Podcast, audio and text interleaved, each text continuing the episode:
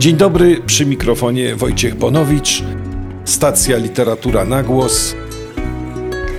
Zapraszam do słuchania. W dzisiejszym podcaście chciałbym opowiedzieć o najważniejszej dla mnie książce ubiegłego roku. Tytuł i autor nie będą zaskoczeniem, ani nazwisko tłumacza. Książka została nagrodzona Nagrodą Literacką Gdynia to wybór wierszy Charlesa Reznikowa, amerykańskiego poety zmarłego w 1976 roku.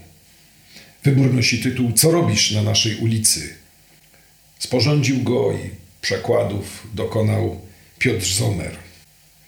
Jest to książka, na którą czekałem od wielu lat. Muszę przyznać, że wycinałem z czasopism przekłady Zomera i wklejałem je sobie do jednego zeszytu, żeby mieć własny tom Reznikowa. Teraz w rękach mam gotową książkę, zresztą bardzo pięknie wydaną, w twardej oprawie z obwolutą i, i ze specjalnym paseczkiem, który mogę zaznaczać przeczytane strony. Mam z Reznikowem osobistą historię. Na początku lat 90. wyjechałem do Stanów Pracowałem tam oczywiście fizycznie, pomagałem w hotelu, w barze. Starałem się zarobić trochę pieniędzy jako młody małżonek. Wkrótce przyszło tam na świat nasze pierwsze dziecko. Równocześnie jednak y, starałem się nie zaniedbać swoich dotychczasowych zainteresowań. Chodziłem do biblioteki, wielkiej biblioteki w Atlantic City Odwiedzało ją niewiele osób, a polskich emigrantów nie było tam prawie wcale. I pewnego razu na półce znalazłem tom wierszy.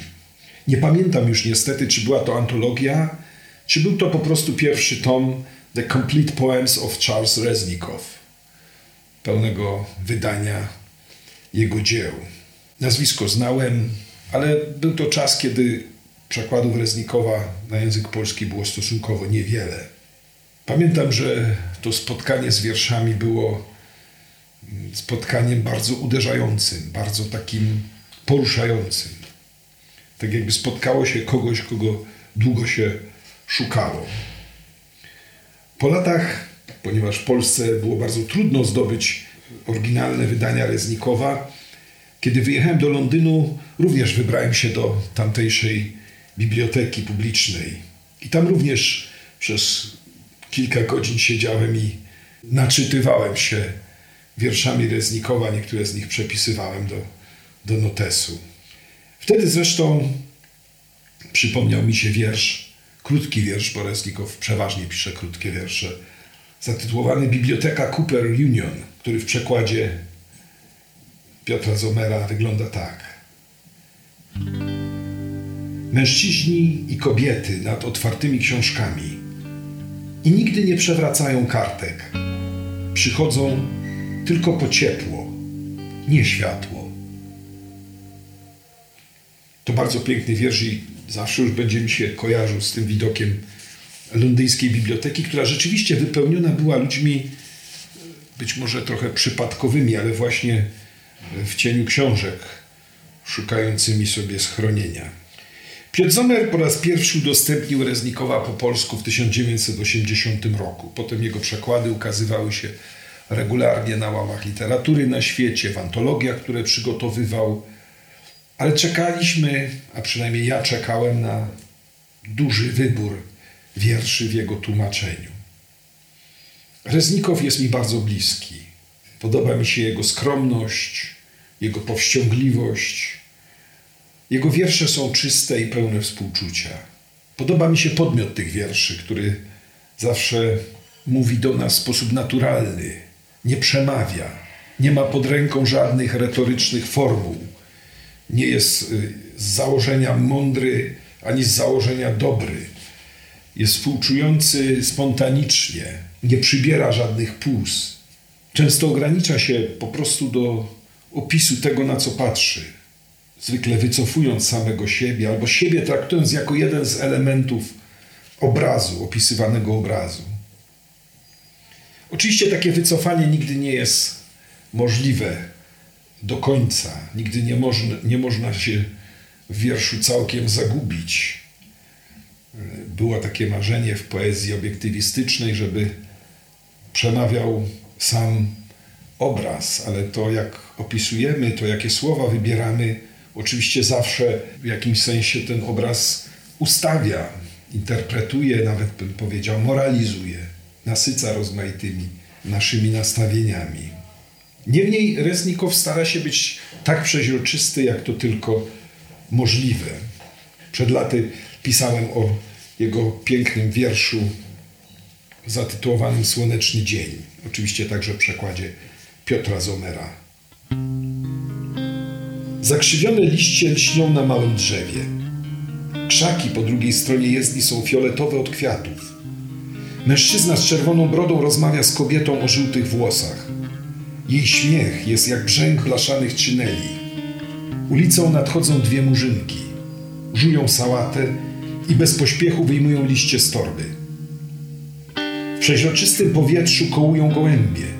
Raz są białe, to znów pokazują szare grzbiety. Siadają na dachu, dzieci krzyczą, właściciel wymachuje swym bambusem. Opis jest niemal doskonały. Ten, kto opowiada, właściwie zniknął. Nic o nim nie wiemy. Nawet tego, czy opisane sceny wzruszają go, czy bawią. W mocnym słońcu wszystkie kolory stają się jednoznaczne. Kwiaty są fioletowe, broda jest czerwona, włosy żółte. Ludzkim gestom i zachowaniom nic nie zostaje przypisane, nie ma żadnej scalającej myśli, nie ma żadnego wnioskowania, puenty, nie ma morału. Jest tylko po prostu kadr i to, co się znalazło w kadrze. Jedyne, co można powiedzieć o zawartości tego kadru, to że nie ma w nim akurat akcentów niepokoju. Nic złego się tam nie czai, nie uwiera, nie ma, yy, nie drażni dwuznacznością. To rzeczywiście słoneczny dzień, to znaczy dzień pełen światła, pozbawiony cieni. Od razu powiem, że takich wierszy Reznikowa jest niewiele, to znaczy wierszy tak pogodnych. Nie był on poetą piszącym w pogodzie ducha.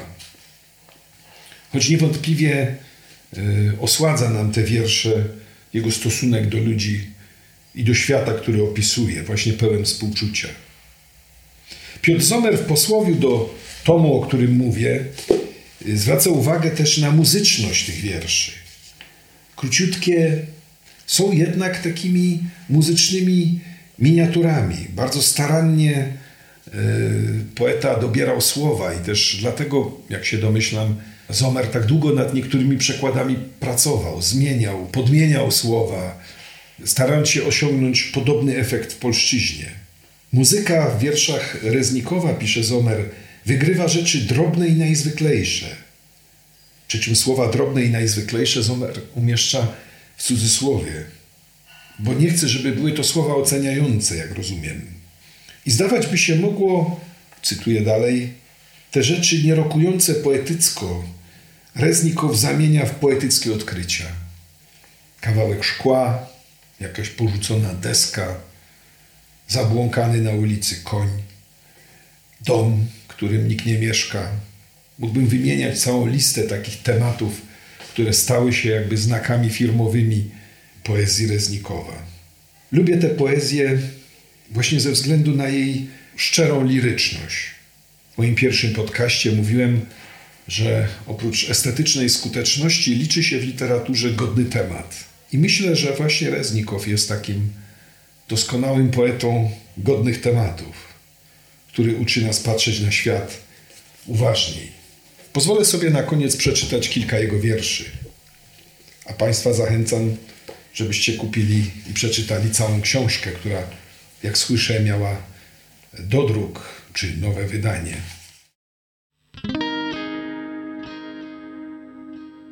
Co robisz na naszej ulicy pośród samochodów koniu? Jak się miewają twoi krewni? Centaur i jednorożec.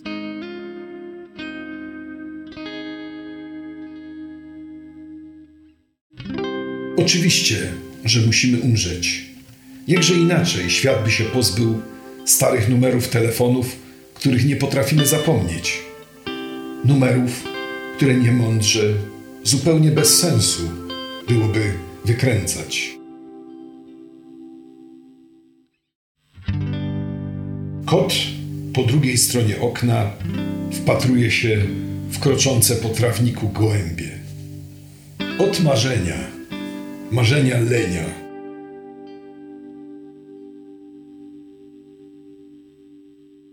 Przeczytam jeszcze dwa wiersze, jeden dłuższy. Mogę powiedzieć, że jest to jeden z moich ulubionych wierszy Reznikowa, w którym zawarta została cała anegdota, cała historia. Pewnego wieczoru podczas II wojny światowej wracałem do domu ulicą, którą chodziłem rzadko. Wszystkie sklepy były zamknięte, oprócz jednego, małego sklepu z owocami. W środku stary Włoch czekał na klientów. Płacąc, zobaczyłem, że jest smutny. Jest pan smutny, powiedziałem. Czym się pan martwi? Tak, odpowiedział, jestem smutny. I dodał tym samym monotonnym głosem, nie patrząc na mnie: Mój syn wyjechał dziś na front i nigdy go już nie zobaczę. Co też pan mówi, powiedziałem. Na pewno go pan zobaczy. Nie, odpowiedział. Nigdy go nie zobaczę. Potem, gdy wojna się skończyła, znowu znalazłem się na tej ulicy i znów był późny wieczór, ciemno i pusto, a w sklepie znów tylko ten stary człowiek. Kupiłem kilka jabłek i popatrzyłem nań uważnie. Chuda, pomarszczona twarz była ponura, lecz niespecjalnie smutna. Co z pańskim synem? spytałem. Wrócił z wojny?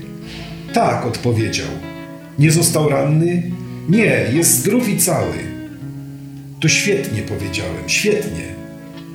Wyjął mi z rąk torbę z jabłkami i pogmerawszy w środku wyciągnął jabłko, które zaczynało gnić i zamiast niego włożył dobre. Wrócił na Boże Narodzenie, dodał. To cudowne, to musiało być cudowne. Tak, odpowiedział miękko, to było cudowne. Jeszcze raz wyjął mi z rąk torbę, wyciągnął jedno z mniejszych jabłek i włożył duże. I na koniec wiersz, którym Piotr Zomer zamknął swój wybór. Tak wiele zostało marnie powiedziane. Mówisz o tym, co napisałem. Ale spójrz, dąb potrzebuje wielu żołędzi, żeby wyrosło jedno drzewo.